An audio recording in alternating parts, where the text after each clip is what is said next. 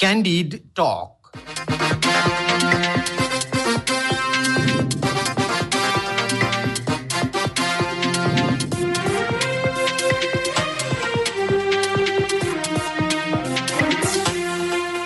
नमस्कार क्यान्डिड टकमा तपाईँलाई स्वागत छ। म धीरज बस्नेत। रेडियो क्यान्डिडको प्रस्तुति कार्यक्रम क्यान्डिड टक तपाईँले शनिबार बाहेक हरेक दिन बिहान साढे छ बजेबाट सात बजेसम्म आधा घन्टा सुन्दै आइरहनु भएको छ।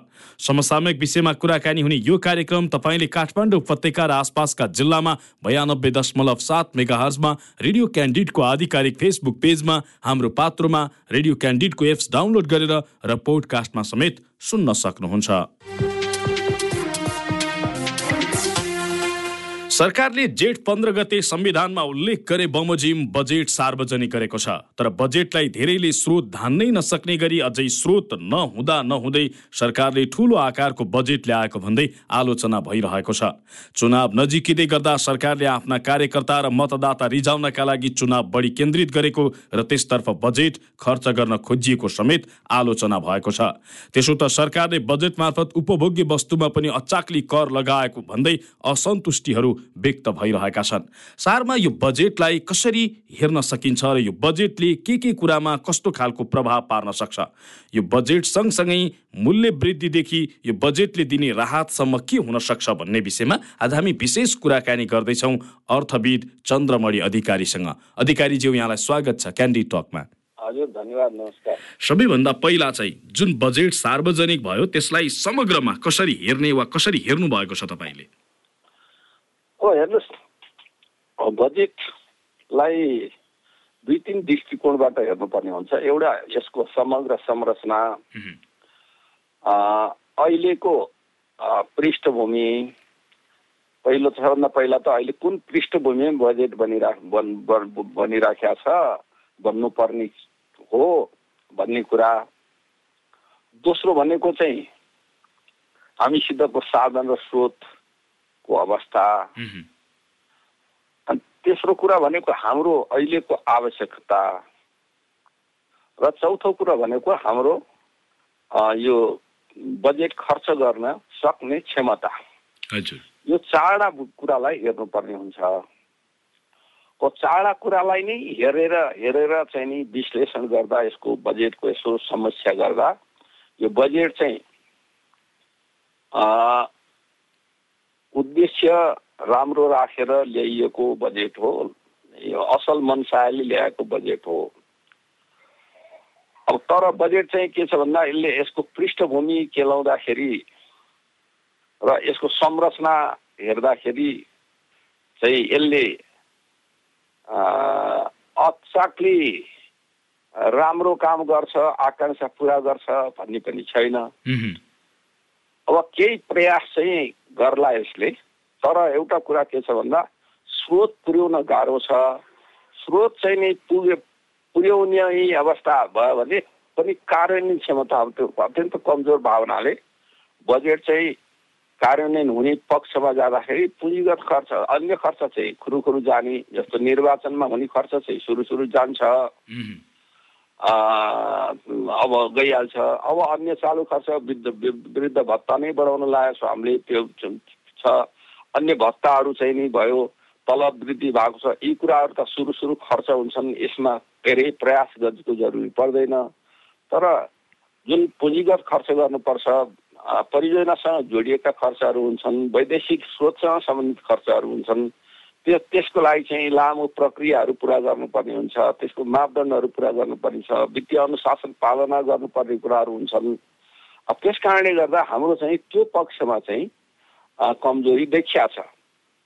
अब बजेट निर्माण गर्ने विषयमै कस्ता परियोजना हामीले त्यसभित्र समावेश गरेका छौँ तयारी गरेका छौँ छैनौँ भन्ने दृष्टिकोणबाट हेर्दाखेरि हाम्रा आयोजनाहरू चाहिँ अधिकांश तयार नभइहाल्ने अनि बहुवर्ष ठेक्का भनेर हालिसकेका हुन्छ तर बहुवर्ष ठेक्का भन्दाखेरि साधन र स्रोत सुनिश्चित भएको हुँदैन।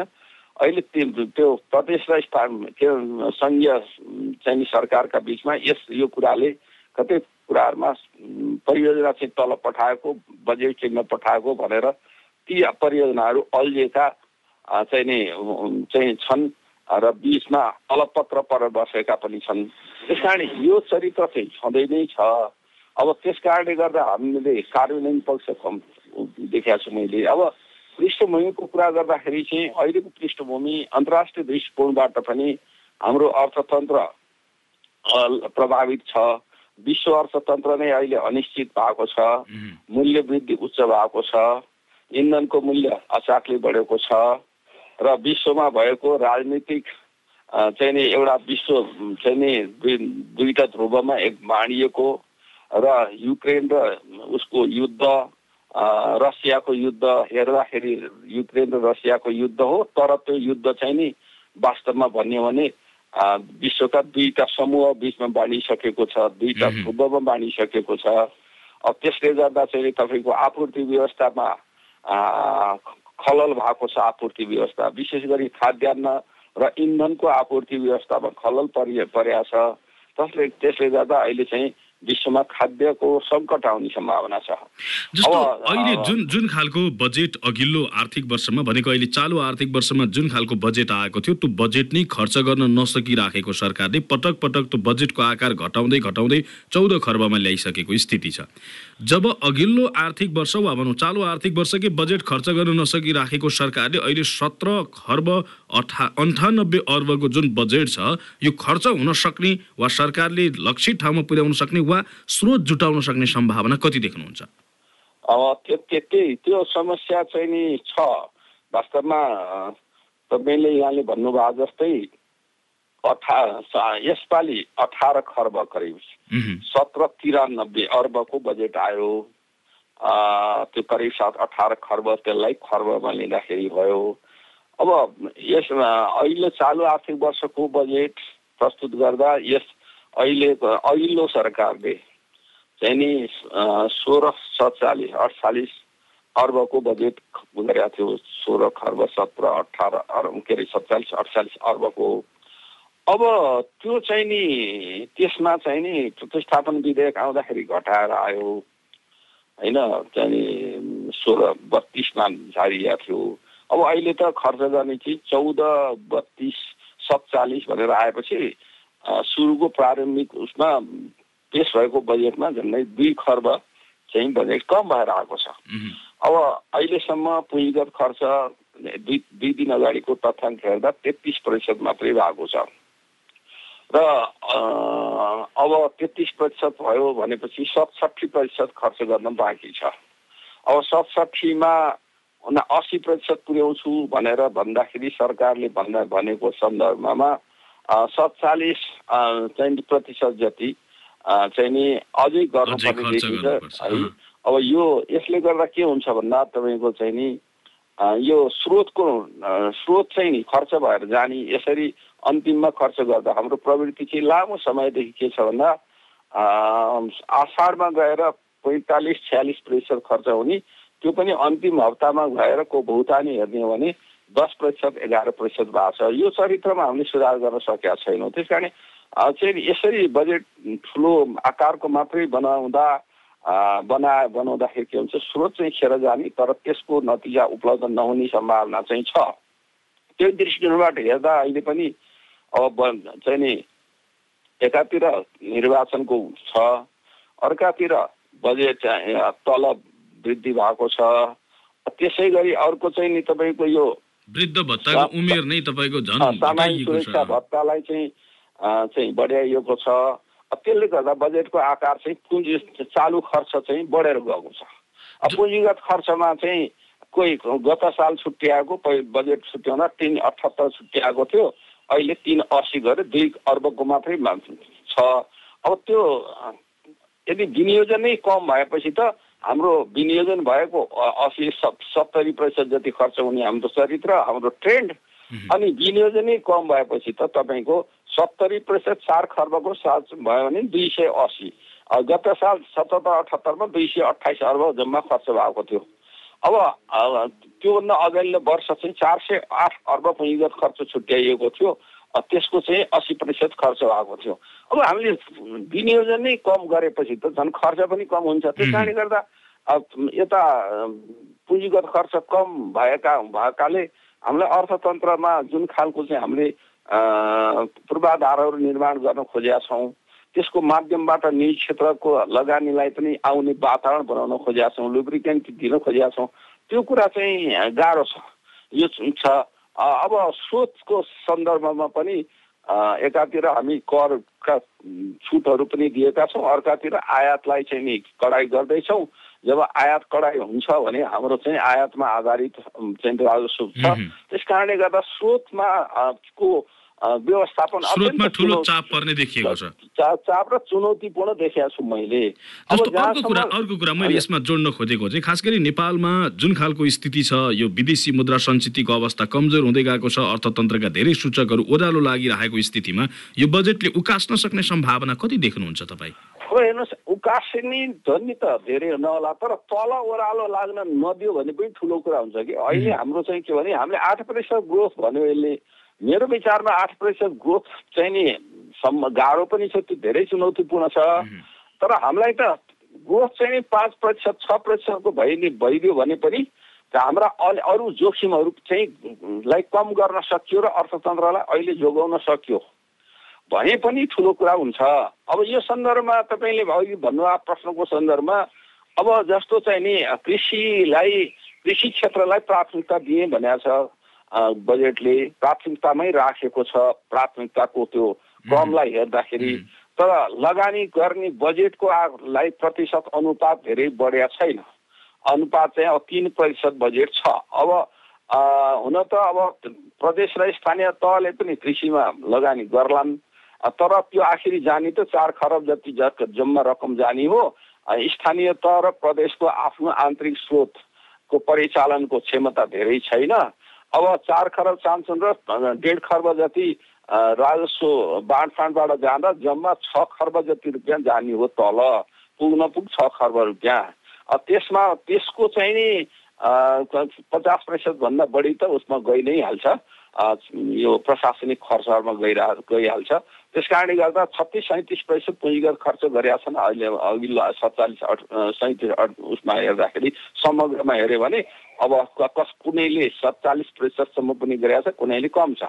त्यस कारण त्यहाँ त आकारै स्रोत स्रोत नै अहिले खर्च गर्ने र संस्थागत संरचना जनशक्ति प्राविधिक क्षमता व्यवस्थापकीय क्षमता त्यो आर्जन गरिसकेका छैन प्रदेश र स्थानीय तहले। त्यस कारणले प्रदेश र स्थानीय तहलाई क्रमशः क्षमता विकास गराएर स्थानीय तहबाट नै आधारभूत यस्ता कुराहरू गराउने चाहिँ त्यहीँबाट हो। तर अहिले त्यहाँबाट धेरै हुने अवस्थाहरू छैन अहिलेसम्मलाई। त्यस कारणले गर्दा यो कृषिलाई दिएको छ त्यसै उद्योगमा चाहिँ अब धेरै कुराहरू ल्याए ल्याएको छ। औद्योगिक क्षेत्रहरूको निर्माण गर्ने कुरा भनेको छ तर पहिला त औद्योगिक क्षेत्रहरू निर्माण हुन सकेका छैनन्। विशेष आर्थिक क्षेत्र राम्रै चल्न सकेको छैन अब यद्यपि यसले स्टार्टअपका कुराहरू ल्याएको छ हेज फन्डका लागि चाहिँ नि कुरा गरेका छ स्वरोजगार कोषलाई क्रियाशील बनाउने कुरा गरेका छ अब त्यो त्यसपछि निर्यातलाई आठ प्रतिशत अनुदान दिने कुरा गरेका छ अब चाहिँ के अरे यो एपार्टमेन्ट छ भने बिस प्रतिशतसम्म चाहिँ नि विदेशीलाई बेच्न चाहिँ नि पाउने व्यवस्था गरेका छ त्यसले विदेशी मुद्रा आउट छ भनेर आउँछ भने कल्पना यसले गर्न खोजिया छ तर त्यसको लागि भोलि कार्यान्वयन जाँदा खाने साथै आउने प्रशासनिक झन्झट कानुनी झन्झट हामी कहाँ त एउटा चाहिँ नि नीति बनाउनेले बडा मन राम्रो मनसाय लिएर नीति बनाइदिन्छ। तर त्यसको कार्यान्वयन गर्ने बेला प्रशासनिक हडल यति भइदिन्छ कि त्यसले त्यो समस्या अरू एक वर्ष होइन कि तिन वर्षमा नि त्यो कामहरू हुँदैन। त्यस कारणले गर्दा अब चाहिँ नि कृषि पर्यटन पर्यटनमा दस लाख पर्यटक भित्र्याउने कुरा अनि पर्यटन क्षेत्रलाई विभिन्न सुविधाको घोषणा गरिएको छ। अब बजेटले दिन चाहिँ खोजेको छ तर अब के छ भने स्रोत कति पुग्छ? अब एउटा कुरा चाहिँ बजेटले वित्तीय साधन मार्फत चाहिँ नि त्यो प्रवर्धन गर्ने कुरा हुन्छ। अब अर्को चाहिँ नीतिगत इज गरेर नीतिमा सहजीकरण गरेर पैसा नलगाए पनि नीतिमा सहजीकरण गरेर चाहिँ अगाडि बढ्नलाई वातावरण बनाउने हुन्छ। भनेको बजेटका कार्यक्रमहरू एउटा एक ढङ्गले राम्रै देखिए पनि यसको कार्यान्वयनका पाटाहरू धेरै ठाउँमा धेरै तरिकाले जटिल छ भन्ने चाहिँ सरको निष्कर्ष हो। हो पक्कै पनि अब कार्यक्रम त्यो त्यसभित्रका राखेका कार्यक्रमहरू नीतिगत व्यवस्थाहरू हेर्दाखेरि कतिपय चाहिँ अलिकति विरोधाभास पनि छन्। त्यो जस्तो उदाहरणको लागि भनौँ त्यसले चाहिँ कस्तो प्रभाव पार्ला? ऋण उद्योगहरूले लिएको उद्योगहरूले आफूलाई दायित्व फरफारछट गर्न चाहेमा हिजो लिएका भएका जग हदबन्दीभन्दा बढीको जग्गा बिक्री गर्न पाउने भनेर भनेको छ। अब त्यो हेर्नुहोस् त्यो त्यसले चाहिँ भोलि ठुलो दुर्घटना निम्ति हुने। अब यतातिर चाहिँ यो जग्गाको हेरफेर जग्गाको माको भएको खेलो फड्को चाहिँ अलि जोखिमयुक्त हुँदै गएको छ नेपालमा। अब यस यसमा रेगुलेटिङ एजेन्सी पनि छैन। अब घरै बनाएर दियो भने त्यो ठिक हो कि होइन? त्यसको गुणस्तर के छ भनेर हेर्ने अवस्था छैन। त्यो बिचमा झैझगडा पऱ्यो भनेदेखि चाहिँ नि कसले हेरिदिने? अहिलेसम्म रियल इस्टेटमा रेगुलेटिङ व्यवस्था ऊ पनि छैन। घर आवास बनाउनुको कता कता जग्गा बिहान एउटाले लियो बेलुका अर्कोले ल्या बिचमा चाहिँ त्यो के भन्छ बिचौलियाले बैना राखेको घरमा खाइदिने अवस्था आएको बेलामा जग्गाको मूल्य बढी भएको हुनाले हिजो एउटा उद्देश्य उद्योग खोल्न भनेर लिएको जग्गा सरकारले दिएको अथवा चाहिँ सरकार चाहिँ नि त्यति बेलाको एउटा कानुनले दर निर्धारण गरिदिएर अधिग्रहण गरेर लिएको जग्गा। अहिले चाहिँ बेच्न दिने हो भने त त्यो त्यो त राम्रो त हुँदैन। त्यसले त राम्रो परिपाटी त बसाउँदैन। त्यस कारणले गर्दा हरिसिद्धि कारखाना निजीकरण भयो। निजीकरण हुँदाखेरि त्यति बेला दुई हजार उन्चास सालमा निजीकरण प्रतिष्ठानहरूलाई सरकारी प्रतिष्ठानलाई किन गरे भने घाटामा भएकोलाई भोलि मुनाफामा जाउन् उनीहरू त्यसले रोजगारी सिर्जना गरोस् उत्पादन र उत्पादक बढाओस् लगानी बढाओस् र अर्थतन्त्रमा समग्र अर्थतन्त्रलाई मा निजी क्षेत्रको सहभागिता बढाओस् त्यसको अंश बढाओस् र सरकारको दायित्व पनि कम होस् रोजगारी पनि प्राप्त होस् भने तर तपाईँले दुई हजार उन्चास सालपछि निजीकरण गरेका संस्थानहरू हेर्ने हो भने साठी प्रतिशतभन्दा बढी चाहिँ संस्थानहरू निजीकरणको उद्देश्य हासिल हुन सकेन।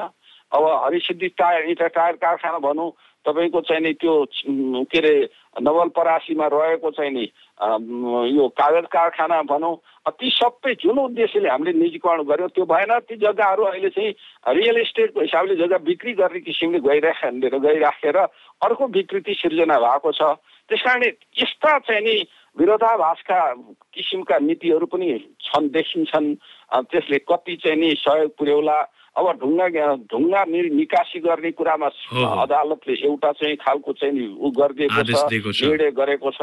ढुङ्गा निकासी चाहिँ वास्तवमा हाम्रो ढुङ्गा निकासी हो कि ढुङ्गा त्यो त हाम्रो भोलि हामीलाई पुनर्निर्माण धेरै गर्नुपर्ने छ निर्माण धेरै गर्नुपर्ने छ त्यो कुराहरू वातावरणीय पक्ष पनि छ। फेरि त्यसलाई त्यसै पनि ढुङ्गा गिटी बालुवाको कुरा चाहिँ अहिले विकृतिजन्य कुरा भएको छ। तिनवटा त सरकारको बिचमा त्यो एउटा एक खालको चाहिँ नि त्यो अधिकारको विषयमा पनि स्पष्ट भइसकेका छैन। अदालतले एउटा चाहिँ नि आदेश त्यसमा पनि गरिदिएको छ।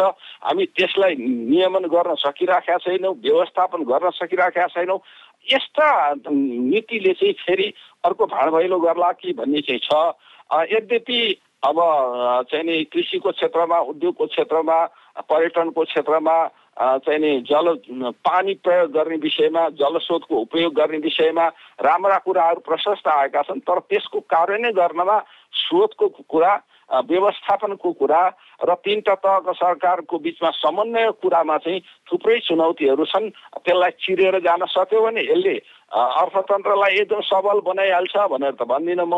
तर अर्थतन्त्रलाई अझ धराशयी हुन नदिनको लागि अलि रोकेर राख्ने र यो निर्वाचन पछि आउने सरकारकोले दूरदृष्टि दूरदृष्टि राख्न सक्यो भनेदेखि चाहिँ नि। अनि अर्थतन्त्र त्यसपछि अनि यो विश्वको अर्थतन्त्रको अनिश्चितता पनि घट्दै गएको अवस्थामा त्यसपछि अलि अगाडि हामी उकालो लाग्न सक्छौँ कि भन्ने मलाई लाग्दछ। जस्तो यसपटक सरकारले के पनि गर्यो भने जस्तो अघिल्लो पटक विद्युतीय सवारीमा कर लगाएको भनेर चर्को विरोध भयो र अन्तिममा त्यसलाई चाहिँ घटाइयो। तर यसपटक फेरि पनि चाहिँ विद्युतीय सवारीमा साठी साठी प्रतिशतसम्म अन्तशुल्क र भन्सार लगाइएको छ। यो कस्तो खालको नीति हो सरकारको?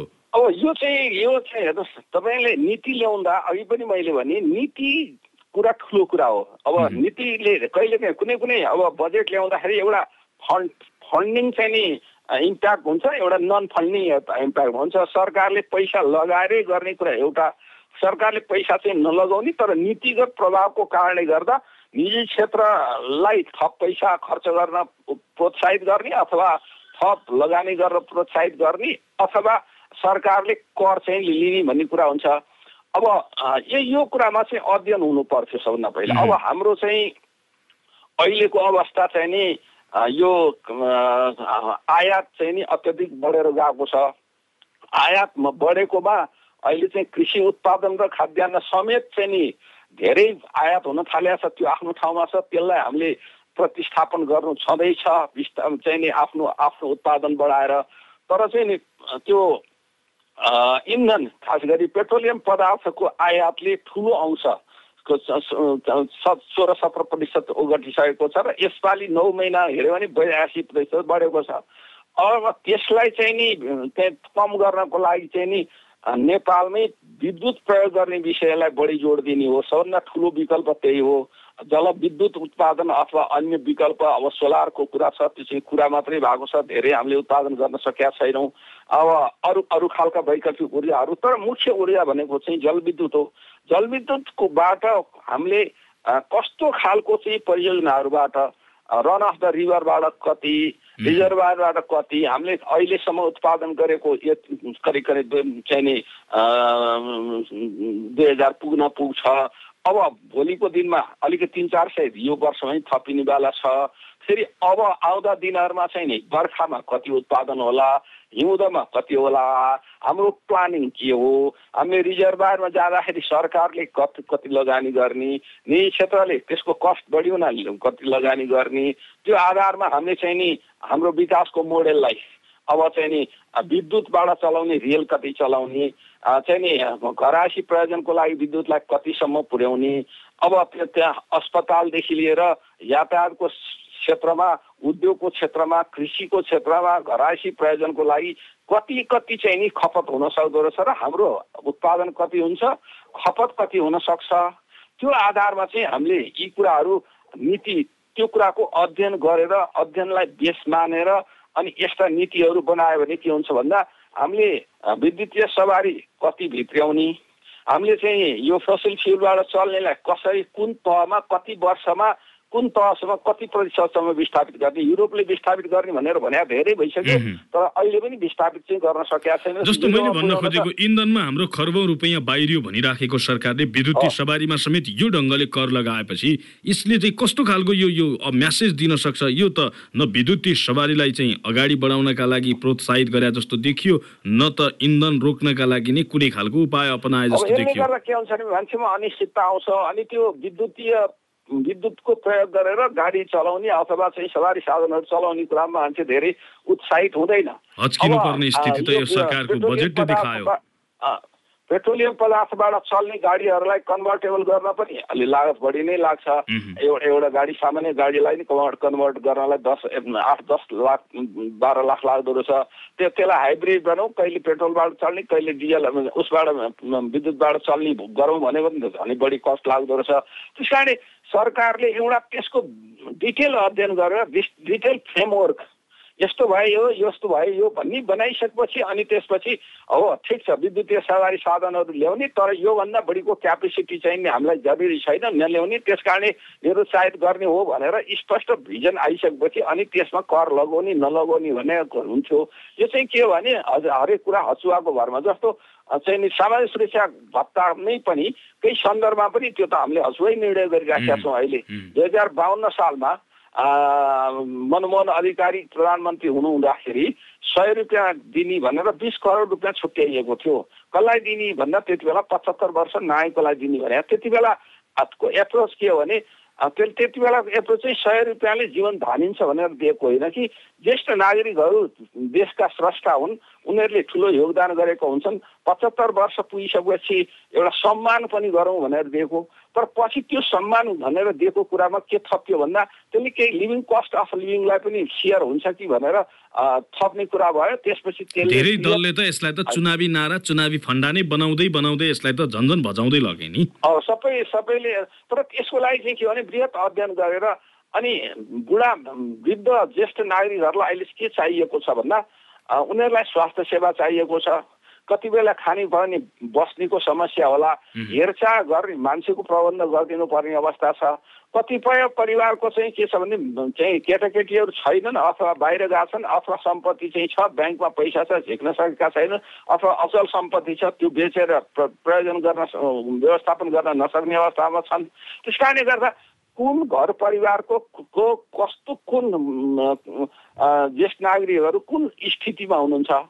भन्ने कुराको अध्ययन गरेर त्यसको एउटा चाहिँ नि मोटामोटी खाका तयार भइसकेपछि अनि त्यसमा अहिले एकातिर चाहिँ नि विभिन्न चाहिँ नि आधुनिक प्रविधि प्रयोग भएको चेतना बढेको स्वास्थ्य सुविधाहरू क्रमशः के थोरै भए पनि बढ्दै गएको कारणले गर्दा उमेरको चाहिँ नि औसत उमेर पनि बढेर गएको सन्दर्भमा काम गर्ने क्षमता चाहिँ नि छ कि छैन काम गरिराखेका छ कि छैन आउसित खाने ल्याउने कुरा छ कि छैन भन्ने कुरा नहेरिकन अन्य खालको सुविधा लिए। युनिभर्सल्ली सबैले पैँसठी वर्ष पुगेपछि ऊ भत्ता पाउने अठसट्ठी वर्ष भन्ने भयो चाहिँ के हो भने अलि हचुवा भयो कि यस्ता निर्णयहरू। यसले चाहिँ के हुन्छ भने दीर्घकालीन दायित्व सिर्जना गरिदिन्छ राज्यलाई र त्यो स्रोत जुन परिवारमा जुन व्यक्तिमा जुन दम्पतिमा पुग्नु पर्ने छ त्यो चाहिँ नपुगेर पुग्नु पर्ने ठाउँमा पुग्दैन नपुग्ने ठाउँमा पनि पुगेको हुन्छ। र त्यस्तो चाहिँ नि विचलनहरू आउन सक्छ। भोलि यही कुराले हामीलाई अर्थतन्त्र धनी नसक्नु। अहिले पनि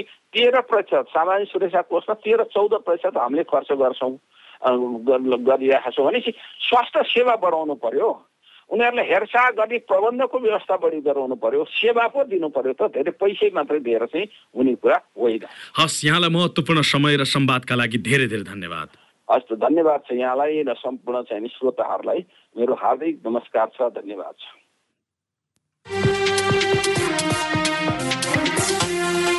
आजको कार्यक्रममा सरकारले सार्वजनिक गरेको बजेट माथिको समीक्षात्मक कुराकानी गर्यौं। अर्थविद डाक्टर चन्द्रमणि अधिकारीसँग। हवस् त क्यान्डिटकको यो अङ्क आजलाई यति नै। प्रविधि संयोजनका लागि सृजना भुजेललाई धन्यवाद। कार्यक्रमबाट म धीरज बस्नेत बिदा माग्छु। रेडियो क्यान्डिड सुन्दै गर्नुहोला। नमस्कार।